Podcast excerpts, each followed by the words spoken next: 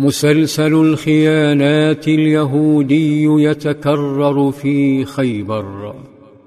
بدأ اليهود يهربون من بيوتهم ويلجؤون إلى آخر معاقلهم وهو قصر محصن داخل السور الكبير. وأثناء الهرب بدأ بعضهم يرمي أمتعته. يرميها كي لا يستفيد منها المسلمون. حتى رمى بعضهم الطعام. فهذا صحابي اسمه عبد الله بن مغفل. يقول كنا محاصرين قصر خيبر. فرمى إنسان بجراب فيه شحم. فنزوت لآخذه. فالتفت فإذا النبي فاستحييت. حاصر المسلمون القصر الذي تكدس فيه اليهود. فارتعب قادتهم وبدأوا يتشاورون. وبعد حوار خائف من مصير قريضه قرروا الاستسلام. هتفوا مطالبين بالتفاوض فتوقف القتال. ونزل وفدهم ليقدم استسلاما مشروطا. كانت شروطهم للاستسلام كشروط بني النضير. وهي الجلاء من مدينة خيبر مع حقهم في أخذ ما يستطيعون حمله من أمتعة لكنهم أضافوا شرطا مريبا. هو أن للدولة الإسلامية الصفراء والبيضاء أي الذهب والفضة كان القائد صلى الله عليه وسلم في غاية التسامح مع هؤلاء الخونة لكنه كان يقرأ تفكير الخيانة اليهودي جيدا.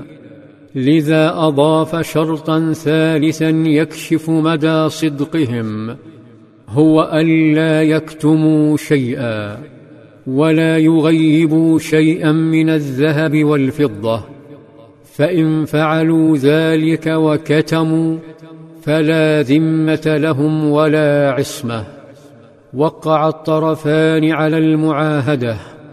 واستعد اليهود لهدم بيوتهم وخلع أبوابهم ونوافذهم وأخذها معهم كما فعلوا بحصن النظير كي لا يستفيد منها المسلمون.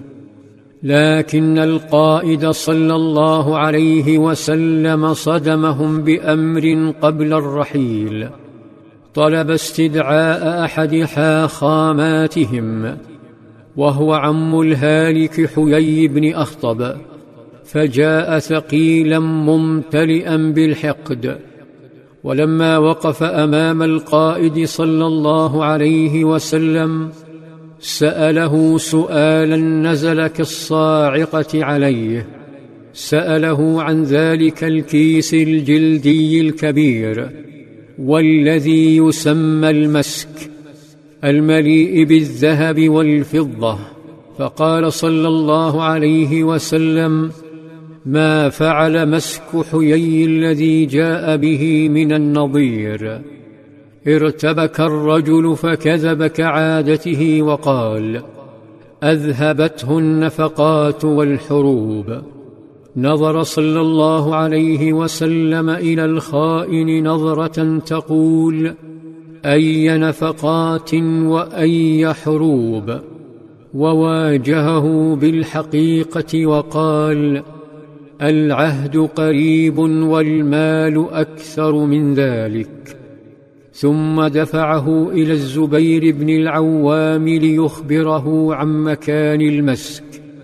فضربه الزبير فاعترف مباشرة وقال قد رأيت حييا يطوف في خربة ها هنا. أرسل القائد صلى الله عليه وسلم رجاله للخربة فأخذوا معاولهم ومساحيهم وطافوا بها وفتشوها وحفروا.